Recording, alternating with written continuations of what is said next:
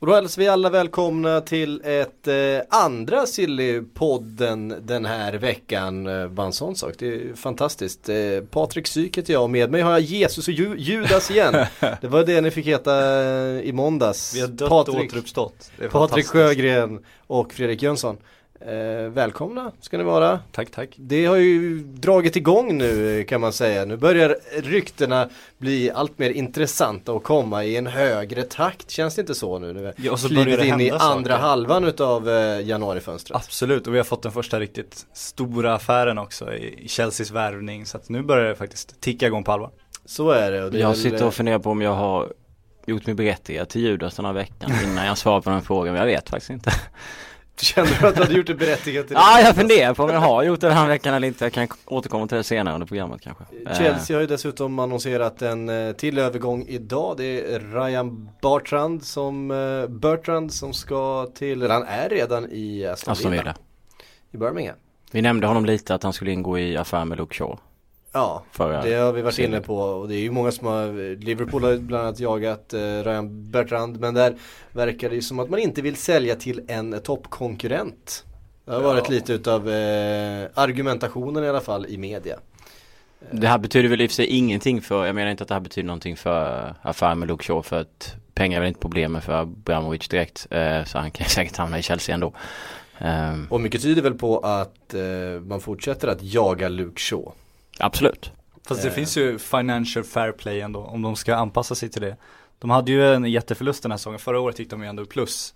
Så gick de minus det här året, så nu om de ska följa de reglerna, vilket det ändå ser ut som de försökt anpassa sig till, så måste de ju visa ett nollresultat nu. Och nu har de ju värvat Matic, men då saknar de ju De Bruyne, så det gick ju hyfsat ekonomiskt. Om de då ska gå in tungt på en Luke Shaw, då måste de ha in mer pengar också. Mata. Då måste någon sälja sig, kan finnas en Juan Mata, Mata. Kan vara så, kan vara så.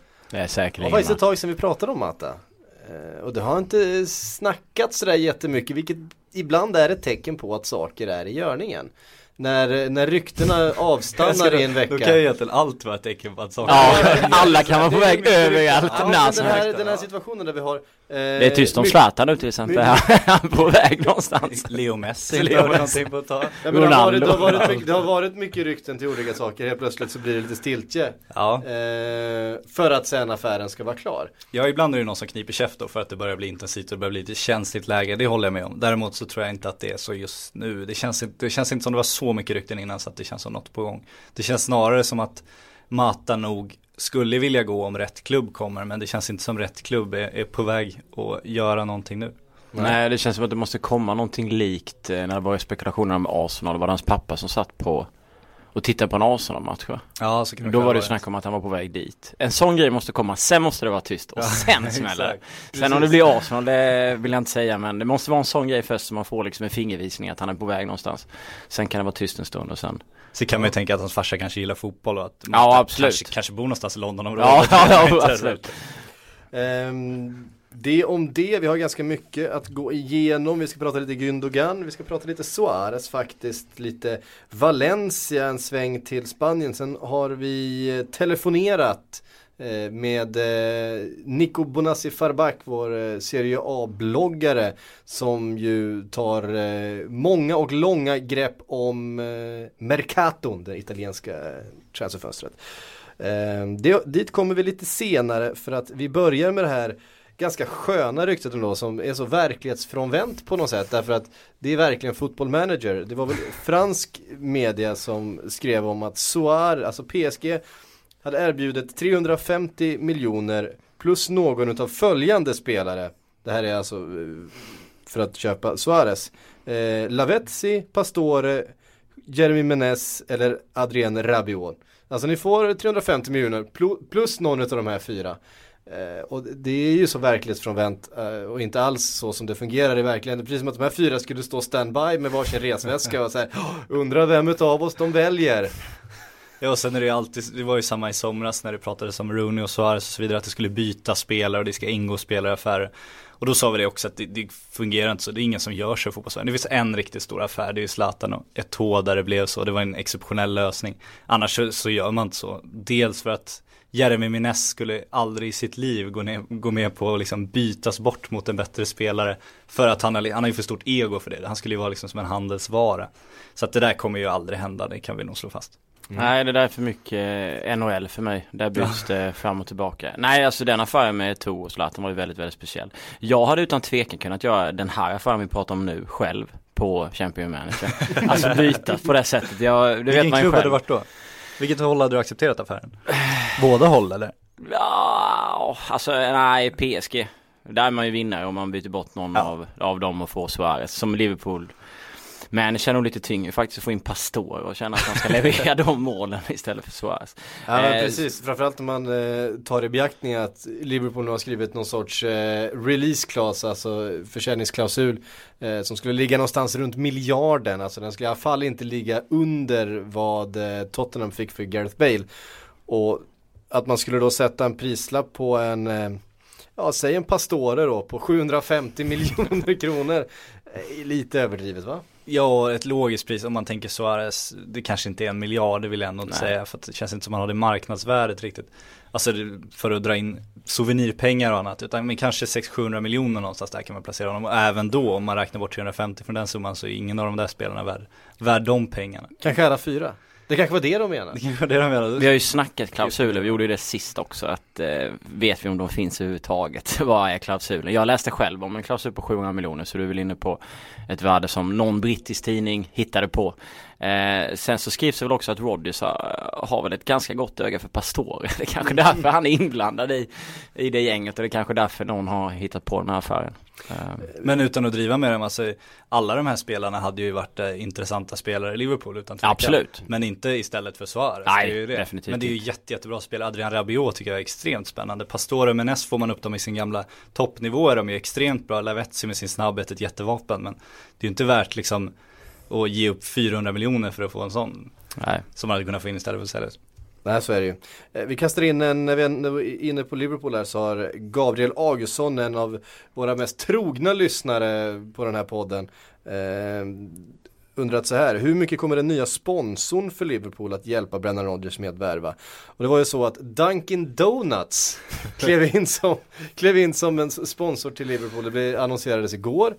Ehm, och det är man gamla Adriano de ska det, in det, det då kan eller? väl tycka vad man vill om. Hur mycket ska de käka? Finns det några krav på det? Ja, det- Coutinho stod där i pressbilden och såg lite nervös ut, liksom sneglade ner i den där, i den det där lådan med, med munkar. Eh, nej men det är amerikanska snabbmatspengar som kommer in och det som är intressant i den här historien, förutom att det är lite, finns en humoristisk eh, vinkel på det, är ju att de här pengarna faktiskt ska användas just för transfers. Det har liksom pratats om att det här är transferbudget som eh, skjuts till då genom ett, genom ett nytt samarbete. Och det här är ju lite nytt på något sätt att man tar in en ny sponsor specifikt. Oj, titta här fick vi eh, 10 miljoner pund till att handla spelare för. Istället för att liksom, man pratar om att det här är, nu ska vi prata långsiktiga samarbeten och, och, och sådär som man brukar göra. Ja så, men det är inte så att man har insett, oj vi behöver lite mer pengar, vi tar in en ny sponsor. De tar in alla sponsorer de kan, självklart. Det är inte så att de säger nej till pengar. Ja, ah, Coutinho ska stå med en munkbild, vi får liksom 10 miljoner, absolut, kom ge oss pengar. Så det är väl inget speciellt så. Så jag vet inte, det känns som det är lite så här för att smörja fansen man säger så, snarare än att det, det är så att de bygger någon slags kappsäck för att handla nu. Sen är det väl att det kanske är de få gångerna som de försöker göra det lite mer officiellt. Det finns mängder med klubbar kan tänka mig att ta in sponsorer man tror att det är till något annat men de bränner ändå pengarna på, på shopping. Ja men det man får över Ja. köper du ju spelare för. Det är ju inte så att de Absolut. här klubbarna bygger någon slags kapitalreserv och investerar i fastigheter liksom. Utan de köper ju spelare. Så alla pengar de får över hamnar ju i transferbudgeten. Det är ju inget konstigt. Så de får in mer pengar. Alltså om Real, när Barca skrev det här Intel-avtalet liksom. Nu har ju de skulder, det går ju dit också. Men hade de inte haft det i den omfattningen så det går ju till transferpengar också. För det är det alla pengar över går ju till att, till att investera i laget. Det är ju där du gör dina inkomster. Ehm, spännande, vi var inne på, du nämnde Adriano. Mm. Eh, det, kom en, det kom en ganska skön bild på, på Andersson som just i detta nu faktiskt håller på att eh, genomgå Adriano sin, sin, eh, nej men vi är inne på brassar här. Men det är smickrande. Jag tror det var någon tjockisbild som skulle vara med. Jag kunde inte ha det. Ja men det är lite så. Ja, vad roligt. Så, så ni, har ni sett bilden från eh, den medicinska undersökningen där han ligger och suger in magen för allt vad han är värd? Det är, nu är jag lite elak här, men det ser faktiskt ut ut som han, som han gör det och, och Hoppas de inte märker något, hoppas de inte märker något Ja eller hur, men han är i alla fall klar nu för Fiorentina den gode Andersson, så jag får få lite mer eh, speltid. Han var, han var, ju faktiskt världens mest lovande spelare ett år. Han vann ju den här eh, Toto Sports eh, Golden Boy Award och det är liksom det är ju sådana supernamn bara som har vunnit den, bortsett från Andersson liksom. Alla andra har ju lyckats. Mm. Det kanske är dags nu. Men det är väl ungefär ju... lite grann som när Bojan Djordjic blev Youth Player of the Year för ja. Manchester United och de, liksom runt omkring honom är bara, bara superstjärnor idag. Så... Men de var ju så bra då, de var ju verkligen det. Det var ju inte så att de mutade till sig pris utan Absolut inte. Så han plockade väl bort eh, Fabregas också i någon match, Anderson, och fick den här ramsan om att han är bättre än Fabregas. Eh, och sen höll den på ett par månader. Men sen insåg de att han är ju inte det. Så de slutade i världen och den finns ju inte kvar. Nej, det, det, det, är svårt att argumentera för ja, faktiskt. absolut. Grabbar, ska vi sluta sjunga det här nu? Ja, vi lägger ner nu. Eh, när vi ändå är inne på gamla godingar så eh, har det här Salomon Kalou-ryktet, eh, det, det, vägrar ju dö. Det vägrar ju dö. Nu är det Tottenham som ska ha Salomon Kalou eh, för eh, i runda slängar 4 eh, miljoner pund. Ja, börjar kännas som en Obafemi Martins när man ska beskriva Salomon Kalou nu. Det måste vara hans agent som vill att han ska flytta till England för att han ska få bra betalt. Så det är den klubben som Vi kan ju gissa att hans agent är inblandad i alla fall. Ja, absolut. Så det känns lite som att det är han som lägger de här ryktena. Han, han placerar sin spelare i olika klubbar. Ehm, känns väl inte så troligt kanske. Nej, vad ska Tottenham där? Nej, det, nej. Från franska ligan till engelska, det är populärt eh, steg att ta. Det finns väl inga klubbar som går där. Men det är ett ganska svårt steg. Vi har ju många gånger pratat om Newcastles franska koloni. De har ju fått några träffar men de har ju fått en del boom också. Så Absolut. Det är inget enkelt steg. Ja men ska vi ta lite, ska vi ta en liten Newcastle-koll? Eh, Andreas Koskinen har skrivit till oss på Twitter och är, skrivit att jag är sugen på att höra lite om Newcastle och dessutom spansk fotboll. Så vi kan väl börja i Newcastle och sen hittar vi någon sorts väg från eh, norra England ner till solen i Spanien. Vi bygger en brygga. Ja, vi funderar på det medan vi, vi kliver in. Det är ju det som har i första hand pratat om spelare från Newcastle. Så är det. är ju Kabay om de kan, deras första prioritet är att hålla hårt i Kabay och få loss Lokremi såklart. Och nu är QPR på väg upp så att lagkemi kan ju bli eh, svår om man säger så. För QPR, då vet ju att om de går upp så de kommer inte kunna hitta en ny som klassspelare. Det är ju helt, nästan helt omöjligt. Så att de vill ju självklart ta över honom tillbaka. Så att det blir nog svårt för Newcastle, även fast det självklart finns en chans. Eh, och Kabay känns ju också som det är svårt, för det känns som PSG på allvar vill ha Johan Kabay. Och det känns som att de bra, har liksom verkligen bäddat för det. Så att de har nog eh, febrila aktiviteter. De kanske får ringa upp PSG igen och sätta Kabay bredvid det här gamla klassiska knepet och se om PSGs katariska ägare är mer slipade. Om vi tänker bort eh, Remiro som då kanske försvinner efter säsongen tillbaks till QPR. Är det läge att scouta forwards redan nu i januari eller ska man, ha, ska man ha is i magen och vänta till sommaren? Jag har tyckt att Newcastle ska köpa fler forwards i, i flera år. Alltså, att Shola Amiobi är kvar är ju någonstans vackert med tanke på hur länge han har varit. Men han är inte mycket fotbollsspelare. Även om eh, man kanske tycker att det är lite extra roligt de gångerna han, eh, han gör mål och ordnar poäng. Eh, sen har vi Papi Cissé som eh, det är klart han kan som göra mål. Som dansar den sommaren. Ja, han kan göra mål. Han är i straffområdet eller skjuter på chans från kanter och hörn liksom. Men han är ju ingen vidare fotbollsspelare liksom. Om du tittar när, när han ska slå passningar eller skarva bollar på mittplan så går det inte speciellt bra. Så att de två spelarna eh, borde man ju nästan, alltså de skulle sålt Pappis om chansen att få lite pengar för honom. Så de två ska ju enligt mig egentligen ut och sen om Remi då försvinner så behöver de ju ganska många forwards. Nu snackas det om Gomis, eh, Luc de Jong också. Två mm. spelare som givetvis är billiga och det är därför det pratas om dem. Eh, sen, alltså men Joe Kinnears konta kontaktnät då? Han, han, han, han, han, ringer väl bara Sir Alex och får alla tips och, och Han, han ringer bara de spelare han har utlånade uppenbarligen så att jag vet inte hur mycket man kan ge för hans kontaktnät Han försöker värva redan, redan kontrakterade spelare Det är ju en, en, en, en, klassiker från i somras så är det, ja, men det, som du säger med Luke de Jong tycker jag det hade varit kul att se honom testas någon annanstans. Ja. Det känns som ett spännande namn och som ett sånt namn som liksom Newcastle värvat tidigare. Eh, där de har fått, fått utdelning så att det hade jag tyckt var bra.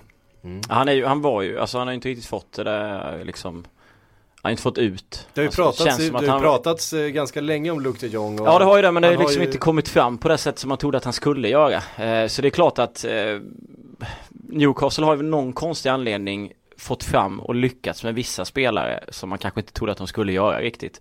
Medan vissa spelare har gått ja, käpprätt åt skogen när de har kommit dit. Så att det kanske är så att han, han kan lyckas där. För hur som helst så behöver det, behövs det ju spela och säljer de Kabaj som du var inne på eh, eller Santon för den delen Mm. så känns det som att ehm, det blir lite katastrof i klubben. Jag tror Tim Kull, alltså ehm, det är ju målvakt som är fantastiskt bra. Han är ju för bra för att stå mellan de stolparna så länge de inte är bland de ja, topp 5-6 liksom i ligan. Så det känns som att han också kan försvinna någonstans inom, inom sin och tid liksom. Mm. Tottenham-spelarna drömmer nog fortfarande mardrömmar om Tim, Tim Krul efter eh, hans uppvisning på Makalös match alltså. Ehm, Det är nog att, bland det bästa jag sett en målvakt spela. Men de höll ju Shea Given väldigt, väldigt länge också. Han var också för bra för Newcastle Ja. så många år. Så att de har ju en, en fin målvaktstradition ändå. Han var ju lite svag för Steve Harper också när han var där. Ja.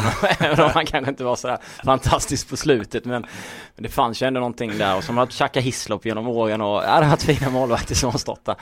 Ehm, men alltså när det gäller Newcastle så gjorde de ju sig av med, om vi ska få en spansk touch på det och gå över så, komma till Spanien så, så kommer liksom eh, hur vi skulle lösa det. här. Eh, Spiderman går vi in på. Han lånades ju ut nu, Jonas Gutierrez. Eh, där har vi en kille som har spelat i Mallorca och det är den spanska grejen. Nu lånas han ut i sig till Norwich men han har ju varit i Spanien tidigare. Eh, också helt rätt. Han fick spela jättemycket förra året. Eh, bra, alltså jag tycker han gör en hel del nytta, eller han gjorde en del nytta i Newcastle men kanske inte den poängspelaren som man hoppas på att han hade ju skulle ett fint vara. liksom. samarbete med José Enrique så länge han var Ja, kvar ja, i, precis. i, i Newcastle före. Liverpool värvade honom.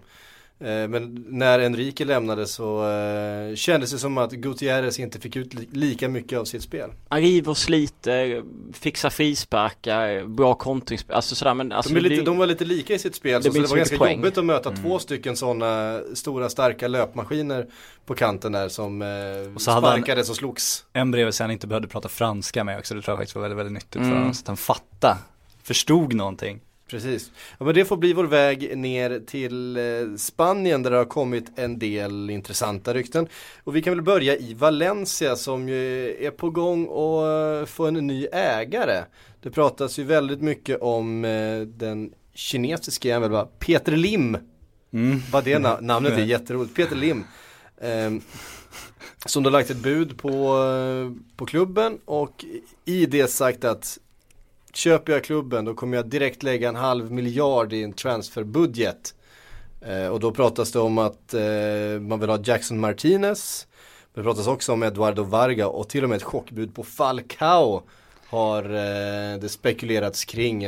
Eh, Rätt svårt att se att eh, Ja. Valencia ska lösa Falcao, det är inte så att han behöver mer pengar så han kommer ju aldrig gå till en, ett märkligt bygge med en kille som heter Peter Lim bakom rattarna.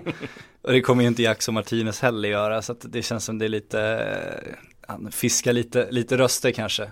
Får lite fansympatier men Peter Lim är väl en av världens rikaste människor. Det är ett namn som ofta kommit upp av någon anledning. Det känns som att han dragit många klubbar genom åren. Jag vet inte hur många träffar han fått eller om det varit Valencia bara. Jag har hört det väldigt, väldigt många gånger i alla fall Peter Lim. Så att jag är lite tveksam till vad han håller på med egentligen. Ska finnas, Kanske- det finnas, ska finnas ett am, någon amerikansk investerare som är intresserad också. Vi får se vart det landar Mm. lite grann med Valencia. Ja, de har ju ett stökigt förflutet så att det känns som de behöver en stabil ägare snarare än någon, någon galen kortsiktig mogul där. Så jag är lite tveksam till det där men vi får se. Det är ju klassisk klubb, man vill gärna upp dem igen. Det kanske är Peters namn som limmar sig fast i huvudet. Ja, på vägen. Oj, oj, Oh. oj. bara han inte Nej, sätter dem i alltså, klistret. Det är, in... det är intressant ändå hur, eh, hur världen skulle förändras för Valencias fans eftersom de har haft det alltså jobbigt med ekonomi och sen helt plötsligt kommer han, skulle han komma in och bara trycka in pengar och, och lägga ett bud på, kopplas ihop med en kille som Falcao helt plötsligt.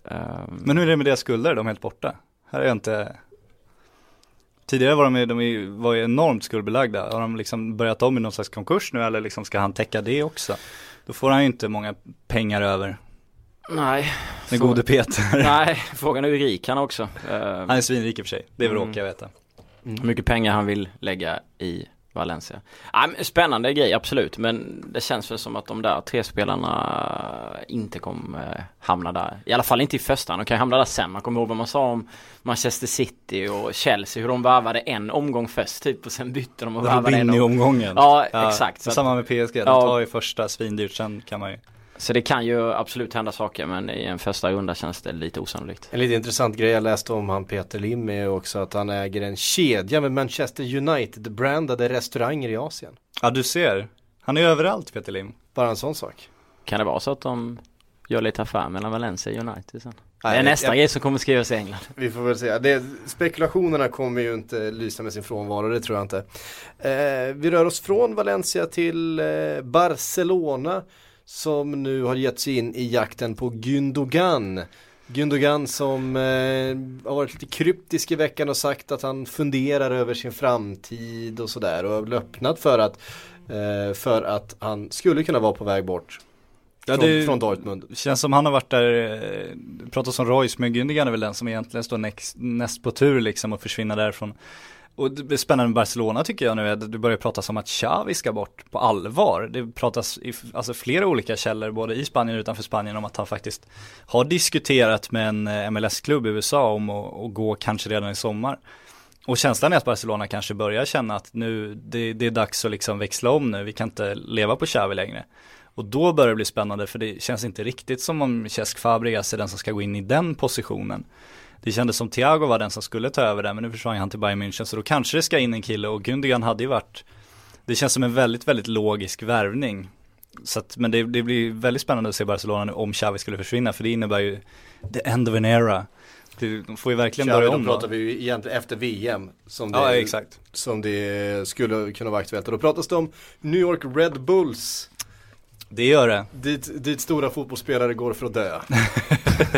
ja men alltså det känns ju som en bättre timing. det är väl det du är inne på också med att att komma nu än när Alex Song gjorde det eller när Sahin gick till Real Madrid. Det kändes som att det inte var rätt timing när någon av dem gick dit liksom. Eller när Cesc gick till Barcelona egentligen. Ja precis, så att det känns ju som att det här är rätt timing om för att nu, Xavi är väl eventuellt på väg bort om det skrivs så mycket som det gör. Nu hade i och för sig hans eh, nu Red Bulls tränare eh, Petke, Mike Petke gjort något konstigt uttalande om att man vet aldrig med Red Bull Uh, om det känns rätt och han passar in, hur skulle Xavi inte kunna passa in liksom?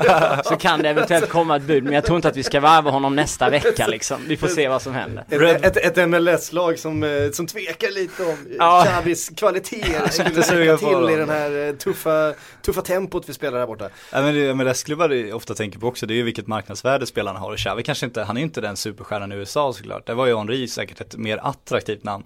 Så de vill ju, de vill ju till exempel inte ha in en, en uh, Alessandro Nesta egentligen, en sån kille, utan de vill ju snarare in liksom en, en lite sämre forward i så fall för att kunna sälja tröjor. Det, mm. eh, jag vet inte om han redan spelar där, eller ifall det var så att han var på dit, Tim Cahill. Ja, men han är ändå... den gamle Everton, eh, världens kortaste nickspecialist. så är det. Han har väl ändå en amerikansk koppling. Nej men, det, men de vill ju sälja tröjor, det, jag vet inte om Xavi, jag har ingen koll på amerikanerna. Det känns inte som de är, Xavi är väl inte deras favoritspelare kanske. Känns inte så. Men de googlar väl typ och ser att han har gjort det bra och sen så köper de någon tröja och så. Eh, nu kanske jag tackar ner på amerikanerna men det känns lite som att de skulle kunna göra en sån sak. Han har väl varit nominerad till Guldbollen ja, absolut, de, sen, jo, de senaste absolut. Fantastiskt. åren eller något sånt där. Så. Jo, alltså vi klagar ju inte ner på hans Men jag har aldrig kvalitet. sett Chavis kalsongreklam liksom. Det är väl någonstans där man vill Precis. Absolut. Det, jag vet inte om jag vill se Chavis kalsongreklam heller om jag ska vara helt ärlig. Men. Eh, Gündogan var vi på. Mm. Det snöade iväg på Xavi. Där väntas ju konkurrens från Manchester United och Real Madrid. Kan bli ett sånt där budkrig som sticker iväg här. Ja, Real är väl klassisk, oj en, en tysk spelare som är bra, nu ska vi dit. Eh, men nej, Real Madrid tror jag inte. Däremot United borde ju verkligen, verkligen hugga där. Det är ju en drömspelare för dem. Men det känns inte som de har den attraktionskraften. Alltså om de ställs mot Barcelona och eventuellt Real Madrid. Just nu har inte Manchester United det som krävs för att konkurrera där tror jag. Deras anseende har ju sjunkit, de har ju inte riktigt samma ekonomi och det är svårt att se att de skulle liksom konkurrera ut Barcelona. Framförallt Degen Sjögren, Degen. No, men framförallt i kampen om en Bundesliga-spelare. Det känns som de ofta föredrar de här glamorösa spanska klubbarna. De får flyt i det här läget. Känns, jag håller med, de får flyt om de ska få honom. Om de andra två klubbarna verkligen, verkligen vill värva över honom. Det känns som att två klubbar vinner i kampen mot Real Madrid och Barcelona. Särskilt en klubb som United. Men när de väl går in tungt, då har de ju mer pengar. Absolut. Så enkelt är det ju. Och sen spela med den typen av lirare som finns det också tror jag inte de tackar nej till. Mm. Just nu har ju United också haft en del skadebekymmer så spela med Hernandez på topp tillsammans med han och Welbeck. Bakom där eller liga bakom Messi. Alltså det, du har ju själv, det känns som att Hårfint. Ja det är lite på gränsen så. Tiden rinner iväg här eh, och vi måste be oss en sväng till Italien. Eh, vi har Nico Bonassi på andra sidan en koppartråd. Så vi tar väl och hör vad han har att säga om Mercaton nere på stöveln. Då säger vi hej till Nico Bonassi Farback, våran Serie A-bloggare här på Aftonbladet. Mår du bra i Mercaton? Jag mår mycket bra, det händer mycket roliga grejer just nu. Ja, visst har det kommit igång? Yes, som fasen. Ja, vad är de eh, största rubrikerna i italiensk eh, media just nu? Jo, just nu är det väl Napoli främst som stjäl rubrikerna. Man är idag i London för att stänga en affär för Tottenhams eh, Etienne Capoue. Ja. Man har tidigare lagt ett bud på honom värt 10-11 miljoner, men eh, Spurs vill förhandla vidare. Man gjorde i natt klart med Hellas succémittfältare Jorginho. Just det, just det. Eh, han använder på delägarskap värt 5 miljoner euro och sen så kommer man att köpa ut resterande inom 18 månader för en liknande summa. Eh, han har sagt ja till kontraktet, det är lite små detaljer som saknas men det är i princip klart. Vad är det för spelare, Jorginho då, som, eh, som de får in i, i Napoli? Kliver han rakt in i startelvan? Det borde han göra va? Alltså, just nu är det lite skadeproblem i Napoli. Um, man har Berami borta ett bra tag, så jag skulle säga att han kan absolut kliva in i startelvan. Uh, väldigt bollskicklig, lite spindeln i nätet, uh, funkar bra defensivt, funkar bra offensivt. Väldigt spännande spelare. Uh, jag skulle säga att han kan kliva in, men jag vet inte om Benitez kanske föredrar en Berami-typ i Capoe bredvid Inder just nu. Ja.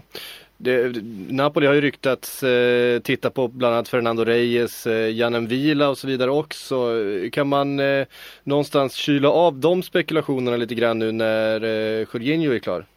Eh, ja, alltså de vill ha två mittfältare. Man har tittat på eh, en Vila till exempel. Man la ett bud, lån värt 2 miljoner euro med eh, köpoption värt 10. Det nekades och sen har man även gjort klart med Lyons eh, Maxime Gonalon, men president Aulas var där lite oskön, det är alltså Lyons tokiga president, och eh, sa nej när allt var klart. Det var bara att skriva på den sista påskriften och då sa han nej.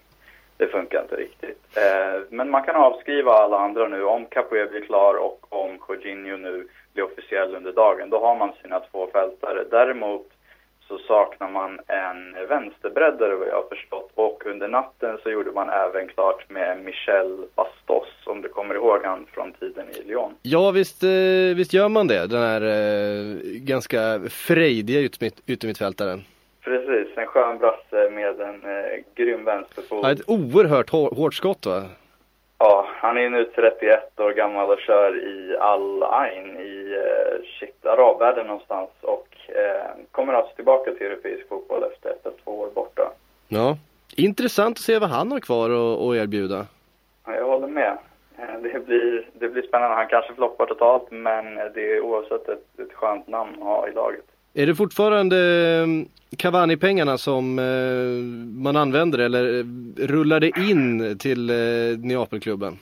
Alltså eh, Napoli har ju länge spenderat stora summor och det är väl Aurelio De Laurentiis som står bakom det där lite, alltså president och ägare. Men det är inte Cavani-pengarna, jag har fått den frågan förut, utan det är eh, De Laurentiis som lovade att Cavani gick väl för något 64,5 miljoner euro, men han lovade ytterligare, vad var det, 60 tror jag, till klubbens kassa. Och de här 60 har inte spenderats. Man spenderade runt 70 i somras och har alltså kvar ganska mycket. Och det är det man lever på just nu. Ja, intressant. Man hade en brutal kassa, ja. Men är de, fär är de färdigvärvade nu då, tror du? Eh, Ja, alltså det ryktas om en sista grej här utöver en mittback. Så man kanske, kanske tar en mittback plus det här. Men eh, man pratar om en liten idé med Juventus om att byta Paolo Armero, eller Pablo Armero, deras eh, ytterbreddare, samma kant som Bastos. Han är li lite likt honom också offensiv. Och man pratar om att byta honom mot Peluso i Juventus, en lite mer defensiv typ för att eh, få tillbaka någon form av balans. Ja. Det kan eh, bli mycket där.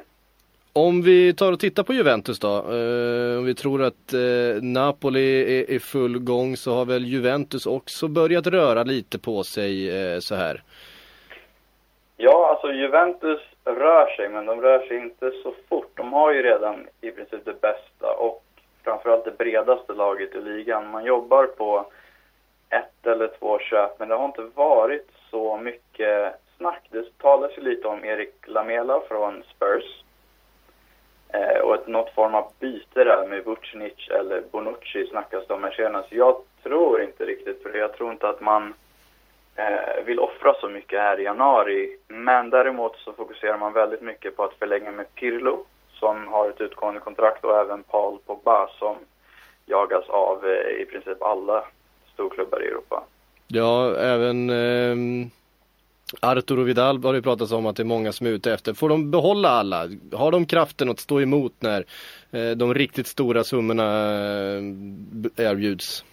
Alltså de har ju sagt emot sig själva lite för man har ju gått ut och klagat på att man inte kan göra det och sen så eh, går man ut och säger att Pogba stannar hela tiden. Eh, jag, jag tror att kommer det ett bud till sommaren från PSG eller Real Madrid på 50 miljoner euro eller mer för Pogba, då, då ryker han nog. Men eh, man har absolut starka ekonomiska muskler. Vidal kommer inte gå någonstans, Marquisio kommer inte gå någonstans. Eh, Manchester United har ju varit och scoutat ett par av deras spelare, men jag tror den enda som kan ryka är Pogba och då har man kapacitet att ersätta mycket bra med de 500 miljonerna. Mm. En, eh, en annan storklubb som eh, till skillnad då från Juventus har varit i lite mer gungning den här säsongen är ju Milan. Eh, sparkade man Allegri, fick in Clarence Sedorf, ett lite oväntat namn för många, inte direkt någon, någon tränare med meriter men förstås en spelare med desto fler. kommer han liksom sätta igång någon sorts lagbygge här nu med två veckor kvar av fönstret tror du? Det är ju frågan, det ryktas ju mycket. Cedorf kom ju från Botafogo i Brasilien. Han avslutade ju spelarkarriären bara för att ta över Milan. Eh, det snackas ju om att han vill ha massa holländare och brassar och hit och dit. Men det har inte kommit några konkreta namn än så länge. Jag tror att man kommer göra en sån här Nocerino-affär i slutet av fönstret. Man plockar in en, eh, en budgetmittfältare likt kanske Parmas eh, Marco Parolo eller Chelseas Eh, SEN snackas det också om fortfarande. Eh, men jag tror att Cedorf sätter sin stämpel på bygget i juni. För det är främst då man pratar om att han ska sätta igång på riktigt. Ja. Eh, vad tror du om vi bara ska analysera den här tillsättningen utav eh, Cedorf? Kan han, eh, kan han vända den här eh, negativa trenden? Alltså jag låg och tänkte på, eh, på Cedorf i går natt innan jag somnade. Eh, utan att vara alltför konstig. Och, eh, och ja, alltså, ja, han inger ju en form av respekt. Alltså Allegri är mer en, en yes man. Det var någon som sa det idag till och med i italiensk press, att han är en yes man.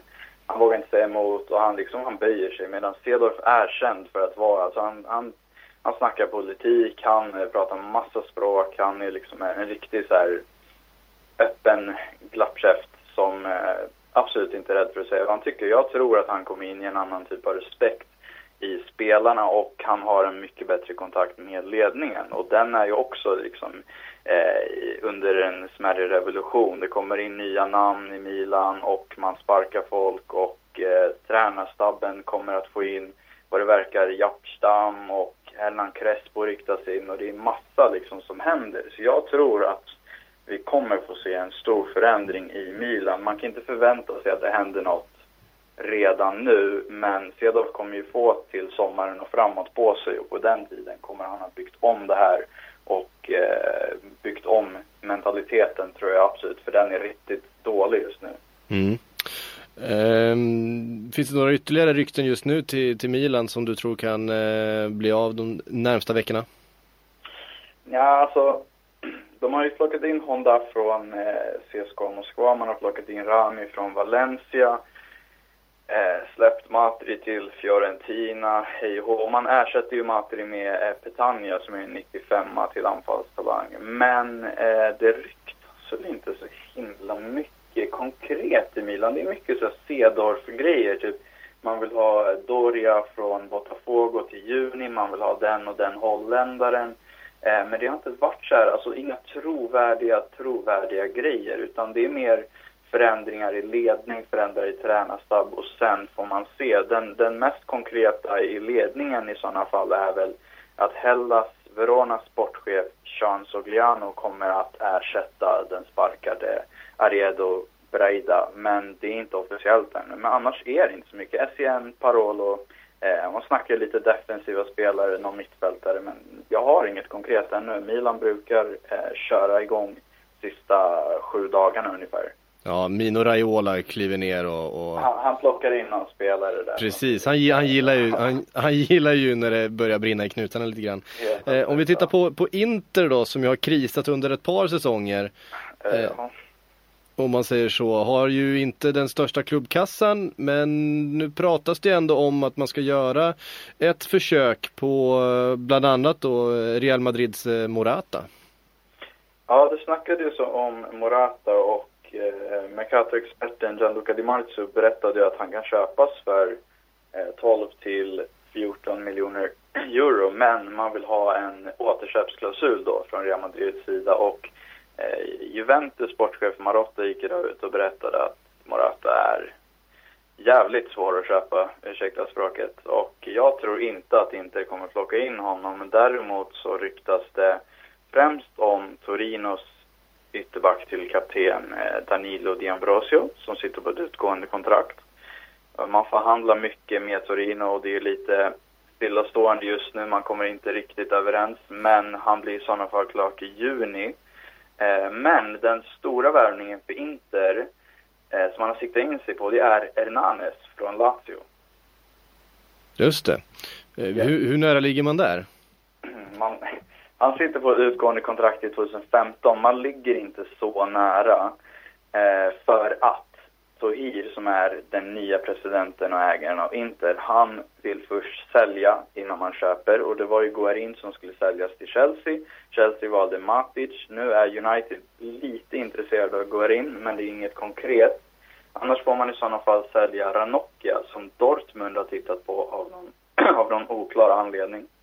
Eh, men man behöver pengar för att sponsra köpet. Hernanes värderas till allt från 15 till 17 miljoner euro och det är inte riktigt aktuellt att spendera för man behöver även en anfallare där man tittar på Southamptons Osvaldo. Mm. Eh, några övriga rykten. Eh, Roma gick ju som tåget här under, eh, under hösten. Eh, behöver de förstärka? Hur ska de eh, bete sig? Alltså, ja, Roma har jag väntat på att prata om faktiskt. Mm. Roma har ju köpt in, ursäkta, Radja Nainggolan från Cagliari. Riktigt, riktigt bra belgisk mittfältare. Eh, stark i kroppen, skicklig med fötterna. Han går in på det där mittfältet med De Rossi, Stråtman och Pjanic. Sen har man plockat in Bocas, eh, argentinska supertalang Leandro Paredes. Han kommer att lånas ut. Man plockar in Barcelonas Tony Sanabria, ännu en supertalang. Eh, Sabatini som är sportchef i Roma åker till Barcelona idag för att göra klart den affären. Han vill även prata om högerbacken Montoya. Sen är det ju, eh, i natt kom det fram att Auxerres snabba ytter slash anfallare Entep är klar till sommaren eh, 2014 då. Jag vet inte om jag uttalade det rätt. Det vet man eh, nästan aldrig. Det är det alltså, speciellt de här franska Ja. Namnen är jag alltid orolig för. Men slutligen har vi vår svensk eh, Valmil Berisha. Just det. Som, eh, alltså man har lagt ett bud på 500 000 euro.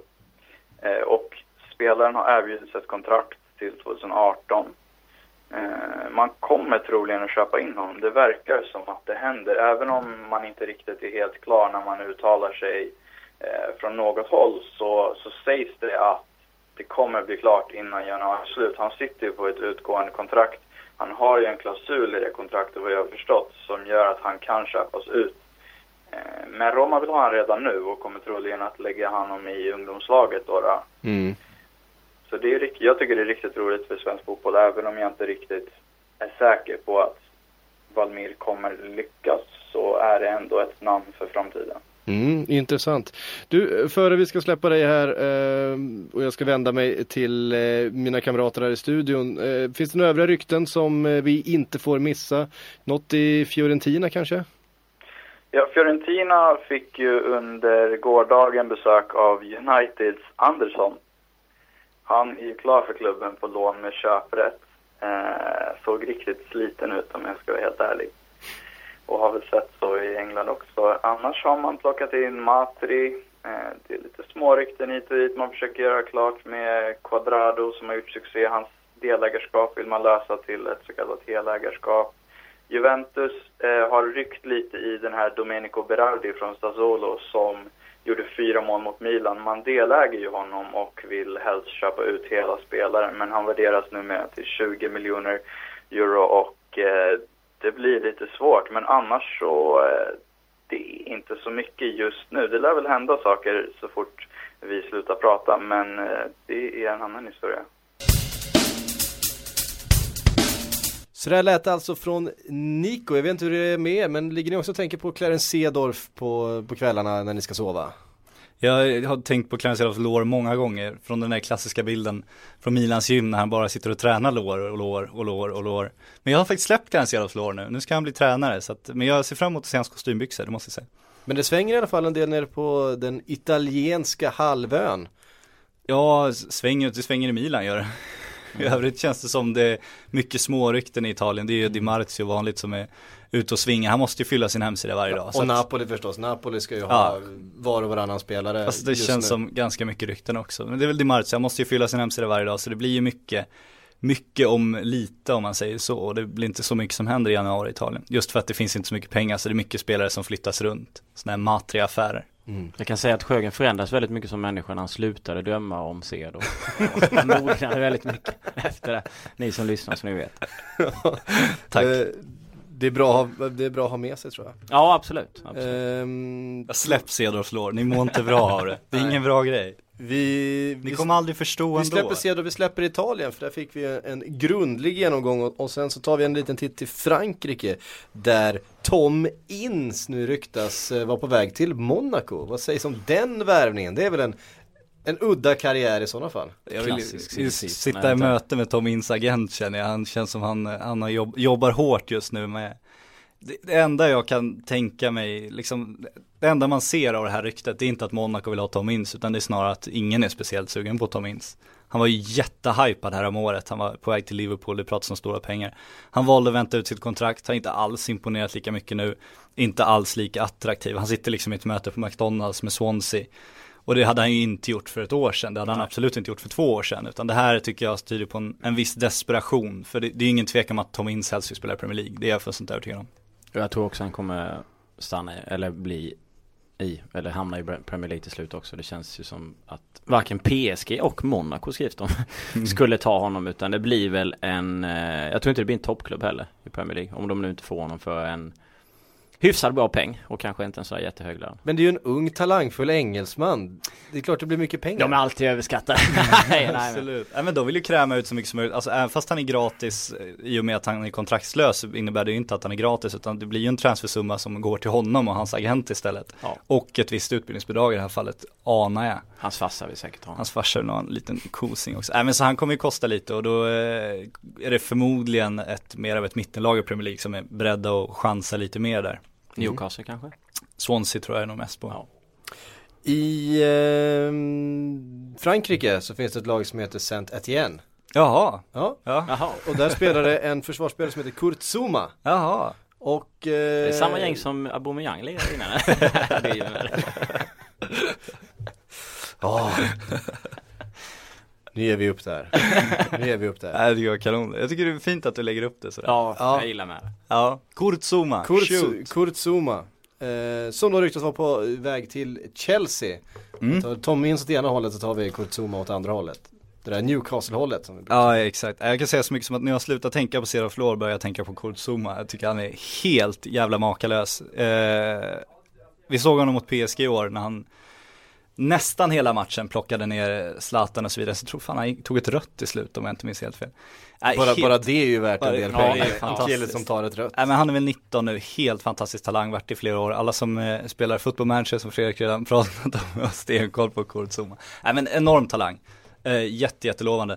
Däremot tycker jag nu om PSG och Monaco nu på allvar menar att de ska ha det här de franska spelarna, de ska värva, de ska bygga så. Alltså om de missar Kurt Zuma då, det är sånt fruktansvärt underbetyg så det finns ingenting liksom. Han, de måste ju vara där och hugga nu. Han hade, han hade ju sagt eh, till någon tidning i England, kommer inte ihåg vilken, var att han älskade Chelsea. Och, och att Mourinho hade ringt upp honom också. Mm. Eh, så det känns ju som att han verkligen, verkligen är sugen på att spela i Chelsea. Eh, Mm. Och det sa han väl i den intervjun. Sen, han är väl avstängd för tillfället. Eh, efter att ha tagit ett rött. Eh, eller sparkat ner Socios, någon spelare i Socios som bröt benet så det är tio matcher.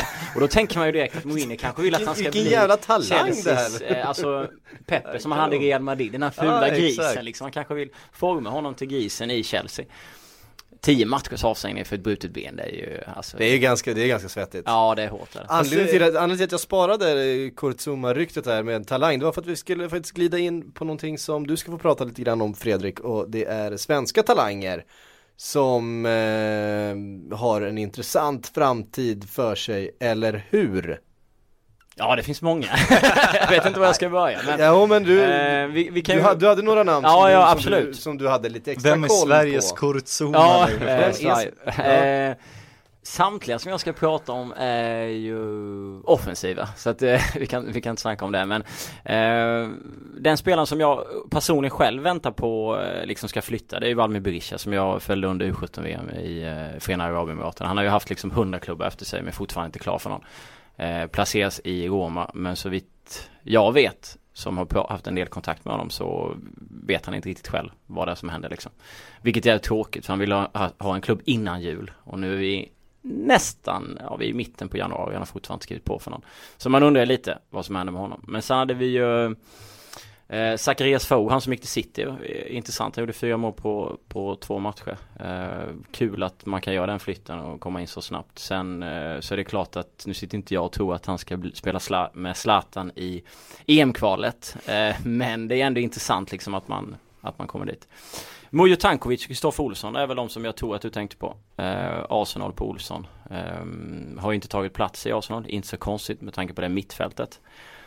Ehm, det är svårt att peta Aaron Ramsey. Ja, just nu är han skadad, Arteta, men, eh, Wilshere, Özil, ja alltså listan kan göras lång. Eh, men och han vill ändå vara kvar liksom. Han har haft några klubbar som vill låna honom från Championship och League One.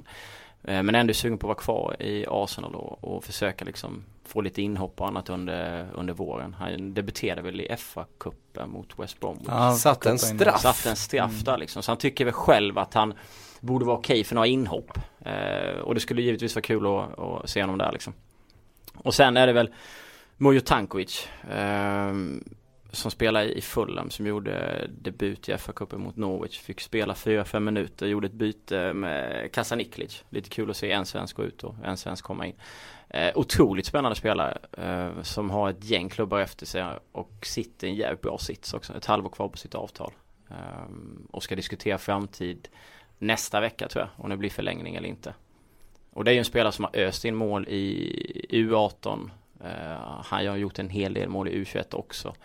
Och tycker väl själv att han givetvis är mogen för att spela mycket i Premier League och, och få uh, liksom speltid där. Och han spelar ju en bra klubb så sett med Fulham. Um, men sen, jag tror att det roligaste hade ju varit om de här lirarna typ hade hamnat i så här Holland eller någonting. Ett halvår och lirat liksom, lite som Guidetti gjorde och se om, om de kan leverera där för, för det känns ju inte som att Olsson kommer få någon jättechans i, i Arsenal under den här våren. Även om han är en, en duktig talang liksom. Då hade han ju redan varit i truppen liksom. Ja precis och nu så berättade han, jag pratade med han i, igår senast och då snackade han om att han tränar inte så mycket med A-laget nu heller. För att de har inte så mycket skador och de är ju så extremt fokuserade också på att vinna varje, varje match mer än någonsin. Mm. Med tanke på att de ligger där de ligger. Och för hans läge hade det varit bättre om de hade kanske legat fyra, femma, sexa eller någonting. Eh, och fått lite speltid där. Låter kanske jävligt konstigt att säga så men eh, Men det är ju en viktig period nu. Det är ju Sveriges två mest lovande spelare du pratar ja. om. Det måste man ju säga just i den åldern. Och de här U17-grabbarna de har ju De är inte ens nära det här steget ännu liksom. Nej, det är en bit kvar. Exakt, men nu är det viktigt för de här, nu kommer det svåraste steget för de här två. Det är nu de ska upp i A-laget och det är det här de flesta faller bort ju. Mm. Så nu måste de ju verkligen välja rätt och det känns inte som man ska sitta i Arsenal alldeles för länge då. Jag tycker att de är, de är 18 bast liksom. Eh, och ska fylla 19 det här året. Mm. och vi pratade precis om en Kurt Zuma som är 19 som ja, har slagit ja, sig precis. in. Så att, eh, och att, att konkurrensen finns slagit där bland, sparkat sig in. Sparkat sig in ja. Så, eh, bland 19-åringar som ju faktiskt har gjort en eller två. Vi, vi ser ju i de flesta lag finns ju de här 18-åringarna som nu har gjort nästan en hel säsong i ett A-lag i ett topplag. Ja, mm. och jag tycker, jag tycker de är för fästa vid den här glamouren många 18-19-åringar. Nu pratar jag inte bara om svenskar, nu pratar jag spelare generellt. Och lira i Arsenals reservlag när du är 19 bast, det har du ju ingenting för liksom. Nej. Du måste ju spela A-lagsuppehåll och därför är jag orolig för typ Berisha och sådana här och det pratas även om eh, målvakten där, Sixten Molin, Molin, att han också skulle utomlands eventuellt. Alltså har man inte, jag tycker man ska ta Zlatan-vägen, kolla på honom. Har man inte liksom etablerat sig i Allsvenskan, de är inte redo för en större klubb. Och de här ändå, det här är inte 13-åringar liksom, det här är ändå spelare som liksom ska knacka på en A-lagsdörr nu. Stanna i Sverige, var bäst i Allsvenskan, sen går man utomlands. Vi... Om du inte är 13-14 år och liksom tänker att du ska ha en bättre utveckling i en proffsklubb. Så extremt viktigt, vi pratar om att det är viktigt för de här spelarna i den här situationen som de är. Är ibland kan man snacka mycket om att agenter placerar spelare här och där. Om det är någonting som är viktigt är det ju agenterna som har i det här läget. Mm. Att agenterna kan styra deras karriär. De har liksom styrt andra spelare. Fabio har ju till exempel Chippen, nu kommer jag inte ihåg vem Ol eh, Fabio Chippen och han är ju Tankovic agent. Olsson hade väl Per Jonsson Men jag tror det också när han gick Och han har ju haft Sebastian Larsson, även ah. Guidetti så här. Deras uppgift är ju nu liksom att, att bygga spelarens karriär, att hitta klubbar som passar honom för att han ska bli bra liksom. Eh, Det är därför de är där. Eh, och där har de en jävligt viktig roll det finns ju ett, ett annat steg som har varit framgångsrikt. Jag har sett eh, Gudetti göra en session i Allsvenskan, komma in och visa mm. att jag klarar, av, jag klarar av att ta en startplats och jag klarar av att dominera eh, på den nivån. Vi har också sett en Oskar Lewicki komma tillbaka från ett eh, ungdomsakademi i Bayern München, komma till BK Häcken, visa att men det här klarar jag av. Och är nu med i vinterturnén eh, med landslaget. Någonting som man antagligen inte hade varit om man hade stannat i Bayern München och försökt trycka in sig på Nej, det mittfältet. eller utlånat till någon Zweite Bundesliga-klubb kortsiktigt hela tiden. Det är nog bättre att verkligen visa, alltså är du så bra som du påstår att det är, tror du att du ska liksom kunna Då kommer det lösa sig. Du Exakt, kommer... du är ju så bra. Och det, de bästa kontrakten skriver man när man är 23-24. Ja. Eh, och fram till dess så gäller det att spela så mycket som möjligt och visa upp sig. Exakt, spela A-lagsfotboll. Det, handlar, det är en jätteskillnad på A-lag och reservlag. Folk kan säga vad de vill. Per Zetterberg lämnade Sverige 96. Det är inte säkert att alla har du, Nu kommer, full, nu kommer det full koll på, förlåt, full koll på, några. Eh, spelade i Belgien, spelade i Grekland, var väl utomlands 10 år. Eh, pratade ganska länge med honom eh, veckan liksom om just det här. Och då betonade han det där om att om du ska gå till en utländsk klubb så måste du gå till en klubb där du kan liksom nå A-lagsspel mm. så fort som möjligt. Annars kan du lika väl liksom stanna hemma. Och då pratar han Holland, Belgien. Nu gick han själv till Belgien och gjorde väldigt bra. Han är en legend så... i Bryssel. Ja, absolut. Alltså. Men belgiska talanger finns det ju väldigt gott om just nu. Så det är klart att de gör något jobb bra. Och Holland har ju alltid varit kända för det. Så liksom så här. Och då drog han upp Bayern München som ett exempel. Gå dit idag och tro att du ska nå A-laget. Ja. Då måste du vara fantastisk. Det är nästan så jag svära i podden. Extremt bra för att nå A-laget. Så därför är det bättre att söka dig till en annan klubb. För sen, precis som Sjögren säger, om du är väl bra liksom eh, så kommer du kom, kunna komma till Bayern München eller United eller Real Madrid senare under karriären och då kommer ju också pengarna. Så tänk mindre på pengarna, tänk mer på utbildningen och hitta en klubb där du kan liksom nå A-laget. Ja och så mycket bättre är ju inte Bayern München på att utbilda spelare, alltså inte så Nej. extremt mycket bättre. Grejen är, de tar ju de största talangerna i Tyskland, då får de fram de bästa spelarna, konstigare än så är det inte. Har du så så talang, alltså spelar du i AIK, Djurgården, Malmö FF, IFK Göteborg, spelar A-laget där, du får inte en sämre utbildning då. Nej. Och Bayern München skulle inte behöva köpa de spelarna som de gör i dagens läge från typ Dortmund och andra klubbar om de hade en fantastisk ungdomsverksamhet. Så det är klart att, alltså, skillnaden är inte så jättestor men det är klart att som 16-åring om Bayern München eller Ja vad ska vi ta? Eh, Svolle hör av sig samtidigt till mig så det är klart att jag går igång bättre på Bayern München. Sen vet jag inte hur bra ungdomsverksamhet Svolle har men det är klart att det finns klubbar i Holland och Belgien som har, har bra eh, verksamhet för unga spelare liksom. Det är coolare att lägga upp en Bayern München emblem på din Facebook-sida inför dina polare liksom. Så man förstår ju varför de går dit också. Absolut. Det finns ju en glamour men man måste ju tänka mer långsiktigt. Det där agenterna måste in, det här Ja. är unga killar liksom. De kan inte kräva, man kan inte kräva att de tar så jättelogiska beslut själva. Hur mogen var man själv liksom? Jag var 15, 16 Jag hade ju dragit till Bayern direkt. Ja, det hade jag ju med gjort. Det. Herregud. Svolle, va? Nej. München. Nej, jag slår, vill ändå slå ett slag för eh, att återvända till allsvenskan. Jag håller med. Eh, där eh, där eh, kontakterna finns, där man har, man har någonstans en, en given plats, man, man kan språket, man har mycket utav det ru- runt omkring gratis. Eh, och har du fått några, ett par tre års utbildning i ett Bayern München eller någon annanstans, ja då är du helt klart värd att testa i A-lagssammanhang i Allsvenskan. För vi har sett Gudetti var ju han var ju alldeles för bra för Allsvenskan. Det såg, Ja. man, ju, det såg man ju direkt när han Absolut. kom. Eh, Men det var ju ingen som visste, det visste inte Manchester City heller. Men han förlorar vara- ingenting. Det var inte så att han förlorade något i sin utveckling på att vara för bra för Allsvenskan. Han Verkligen byggde upp inte. ett självförtroende där som helt all säkerhet gynnade honom när han sen kom till Holland, en ännu bättre liga. Han fick möta seniorspelare Ja, och så vidare liksom. Det är som, titta på eh, Liverpool, vi går in Kristoffer Pettersson som är där. Mm. Eh, han är ju 19 nu va? Mm. Han borde ju eh, börja spela på seniornivå Han, var, han, han, var ju, han har ju varit utlånad en sväng den här eh, säsongen. Ett par månader till Tranmere. Ja, Ett eh, League One-lag i Liverpool. det är ju två Eh, liksom divisioner Det är två divisioner under. under Premier League. Han skulle ju till exempel utan tvekan kunnat flytta Ja. runt någonstans i, i, eh, i Sverige och spela fotboll och kanske utvecklas och, och, och få en skjuts liksom. Istället för Gjorde det otroligt bra i, i eh, Tranmere. Blev man of the match i första matchen han Ja, men det är eh, där- spe, spelade för dem. Varför inte? Det är som Asrit Ajdarevic också, han var i Liverpool Mm. också. Han fick ju förlängt kontrakt med Liverpool, alltså han var ju för gammal för deras reservlag. De behöll honom ändå ett extra år för att de trodde så mycket på honom. Sen blev det lite små utlåningar, det blev liksom så här rykten om någon tysk klubb, han var provtränare med 1860 i München tror jag. Och sen till slut så, äh men jag åker hem och börjar om. Mm. Börjar om, kom hem, dominerar allsvenskan, kommer ut en sväng till, får ett bättre kontrakt, hittar en riktig klubb där han får spela. Nu går det väl inte så bra igen men, men det känns, det är ju det- ett väldigt, väldigt bra steg. Och behöver du pengar, vänta till är lite över 32 Har gjort några landskamper, stick till Kina, spelar Shanghai East Asia I alldeles för korta shorts. i korta shorts och, och blir rik ändå liksom Så att det är inte Exakt. slut på grund Inga av det problem. eh, Så att ehm, Var inte så girig på kort sikt, ha lite tålamod. Ja, absolut Hörrni, ni, det var allt vi hann idag. Tänk vad tiden går fort när man har roligt. Fantastiskt. Eh, det blev väldigt mycket prat om eh, talanger och akademier och så här på slutet, men vi gillar ju det.